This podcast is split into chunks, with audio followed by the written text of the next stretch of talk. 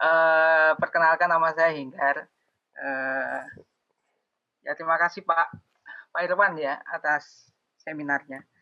Uh, yang saya tanyakan itu sebenarnya kalau mengenai masalah investasi dan sebagainya itu uh, sering ada apa acara diaspora juga sering ada kemarin uh, BNI. Kalau saya sendiri itu uh, investasi itu sebenarnya udah tiga tahun atau empat tahun yang lalu lah. Tapi Wih, yang jadi keren. masalah, yang jadi masalah itu lebih ke arah anu Pak. Ini uh, rumah tangga Pak. Kalau saya ya Pak.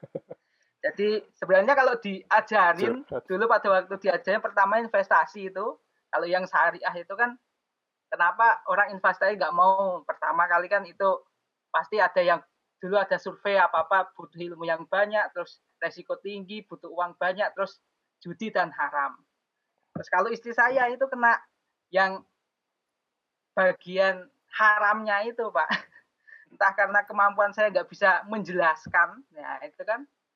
Itu kalau saya sih dulu pada mendengarkan langsung saya bilang, oh ini anu ini kalau apa investasi syariah itu pakai al musawawah.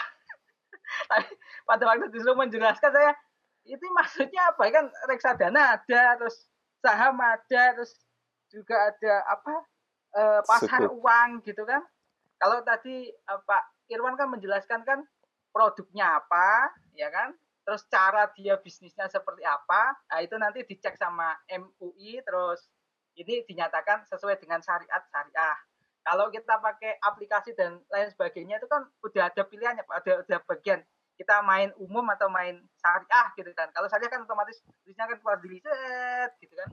Mau main pakai provider apa apa semua gitu. Kalau bisa dijelaskan Pak. Kalau bisa biar saya bisa menjelaskan Pak istri saya. Kadang-kadang produknya kan banyak. Terus maksudnya ini ini halal itu loh yang bagian itu Pak. Terima kasih Pak. Oke, Mas. Terima kasih gitu ya. Satu yang paling saya ingat. Jadi uh, kalau investasi itu jangan uh, jangan uh, biasakan gilang main ya. Karena kalau main itu identiknya main kelereng gitu kan, main layangan gitu. Jadi investasi itu memang uh, uh, tantangan terbesar adalah meyakinkan bahwa ini halal, ini haram. Karena seorang muslim itu kan identifikasi pertama apakah ini halal atau haram. Kalau sudah haram, baru dia bicara. Haram halalnya itu toyib atau tidak kan gitu. Kalau kalau makanan nih kita bicara.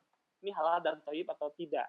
Tapi kalau sudah transaksi, oke okay, barangnya halal, caranya halal atau enggak?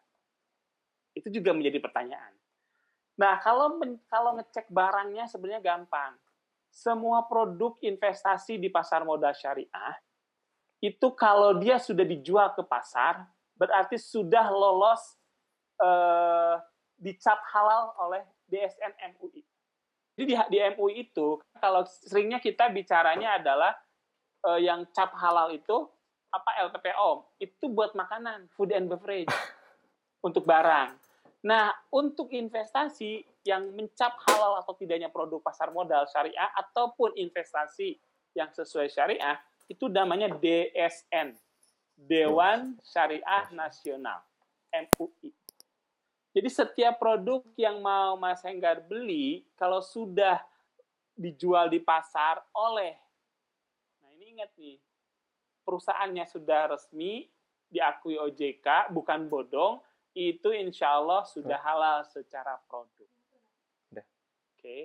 Nah, pertanyaan kedua, oh, sekarang bagaimana caranya agar juga transaksinya halal?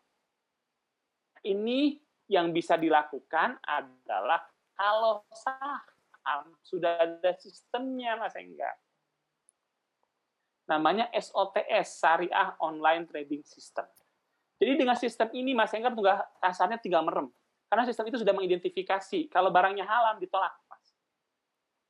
Jadi misalnya Mas Enggar beli saham, sahamnya saham bank mandiri, bank konvensional.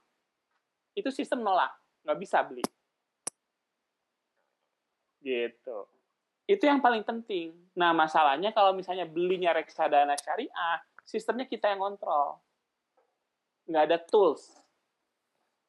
Jadi kalau satu kalau masalah barang, Mas Enggar dan teman-teman semua, kalau produk, kalau dia resmi, bukan bodong ya, resmi, itu udah insya Allah lolos kehalalannya dari level DSN MUI dan level eh, regulasi.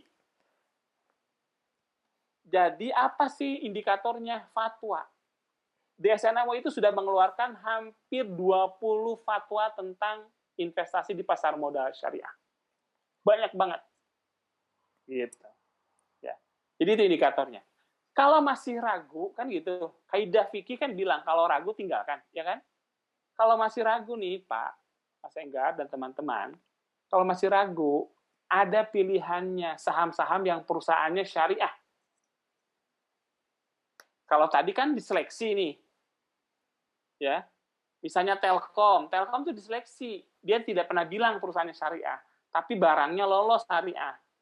Nah, kalau masih ragu, wah ini masih ada yang nggak syariahnya, yang ragu nih. Kalau gitu belilah saham-saham yang perusahaannya syariah. Misalnya apa? BRI syariah. Kan sudah mendeklar perusahaan syariah. Gitu. Ada BTPN syariah, silahkan beli. Kalau sudah sukuk, udah insya Allah itu. Karena kebetulan saya di DSN. Ya, saya di DSN. Jadi setiap produk yang akan diterbitkan itu harus dapat disposisi dari DSN kesariahannya. Jadi harus ada suratnya. Makanya Bu Dwi kan kemarin bilang, sudah ada surat kesesuaian syariah gitu. Waktu sukuk. Nah, itu karena udah lolos. Nah, keren tuh istrinya Mas Enggar. Jadi Mas Enggar nggak bisa tuh beli ori yang baru launching nih. Obligasi retail. Nah, itu nggak bisa karena nggak syariah. Nggak bisa beli saham BBCA misalnya, Bank BCA nggak bisa karena konvensional, nggak syariah. Gitu ya. Jadi secara barang sudah ada capnya, sudah ada yang mengendorse, mengesahkan. Ingat, sepanjang bukan bodong. Itu yang harus dijaga. Karena banyak yang ngaku-ngaku investasi pasar modal padahal bodong. Nah, kalau ada yang nawarinnya adalah investasinya mata uang, nggak ada itu mata uang syariah. Ya kalau ada yang nawarin nih oh ini udah sesuai syariah nggak ada. DSN MUI tidak pernah mengizinkan mata uang ditransaksikan. Karena transaksi mata uang DSN MUI mengambil pendapat haram gitu.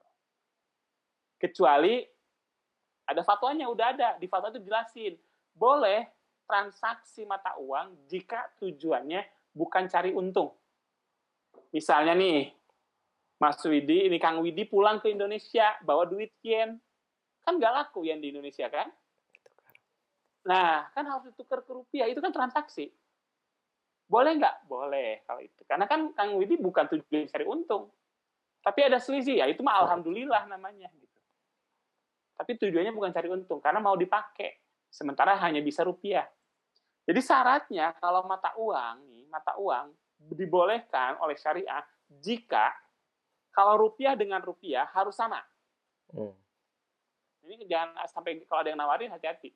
Nuker 75 ribu yang baru nih, dihargai 1 juta itu haram. Sama-sama rupiah kan? Jadi kalau 75 ribu yang baru, bolehnya dengan 75 ribu, 5 ribuan gitu misalnya. Tapi senilai 75 ribu, boleh, boleh. Dikurangi atau dilebihkan, haram. Jadi secara Ribu. kualitas, kalau mata uang sesuai dengan hadis, karena mata uang itu adalah barang ribawi. Jadi tidak boleh berbeda secara kuantitas, kualitas. Dan harus dilakukan on the spot. Makanya kalau nuker kan langsung ini bawa yennya, tuker kan, tek gitu. Itu on the spot. Pak, boleh nggak on the spot tuh saya store sekarang, barangnya besok? Boleh. Karena transaksinya udah done. Misalnya gini, Kang Widi atau siapa tadi Mas Enggar mau dari Indonesia nih, punya rupiah. Mau ke Jepang lagi perlu yen. Terus ke eh, ketemu lah ke uh, apa namanya? Uh, money changer. Eh saya mau tuker rupiah saya ke yen. Berapa? Misalnya sepuluh ribu yen. Aduh oke janji. Tapi sekarang adanya lima ribu. Besok saya kasih lima ribu. Tapi transaksi dulu sekarang. Boleh nggak? Boleh itu boleh jadi ingat pokoknya muamalah itu kaidahnya gampang banget nih teman-teman. kaidah fikihnya itu bilang semua boleh kecuali ada dalil yang mengharamkan. Kayak tadi uang kan dalilnya ada mengharamkan, berarti jadi nggak boleh. Gitu ya Mas Enggar, mudah-mudahan nangkep. Memang nggak bisa sekaligus Mas Enggar. Eh. Meyakinkan itu harus perlu persuasif. Oh, Pak boleh anu Pak ta- tanya anu Iya, sedikit iya, saja silakan. Pak. Ya. Eh, saya saya lebih ke anu ya Pak. Kalau tadi Pak Irwan kan bilangnya eh, menawarkan orang, tapi kalau posisi saya yang di luar negeri itu nggak ada orang yang menawarkan. Jadi saya istilahnya li- lihat-lihat profil perusahaannya itu. Kalau ya saya mau nyebut produknya siapa? Kalau saya itu make itu kan pertama punyanya BNI ada Pak, namanya Beyond. Kan juga terus ada punyanya Bibit juga ada, terus juga ada Bareksa. Kalau Mhm. mengenai Beyond, Bibit, sorry. Beyond apa? Beyond itu produk apa? eh, itu aplikasi khusus milik BNI Pak. BNI apa? Sekuritas? Iya Pak, BNI Sekuritas. Oh, oke. Minta yang syariah aja kalau BNI Sekuritas. Ada Ah, yang Iya, syariah. itu Beyond kan dalamnya ada mode untuk Ah, anu sip. syariah dan sebagainya itu kan. Tapi untuk tadi loh Pak, untuk yang bibit dan bareksa itu kan reksadana kan ya Pak.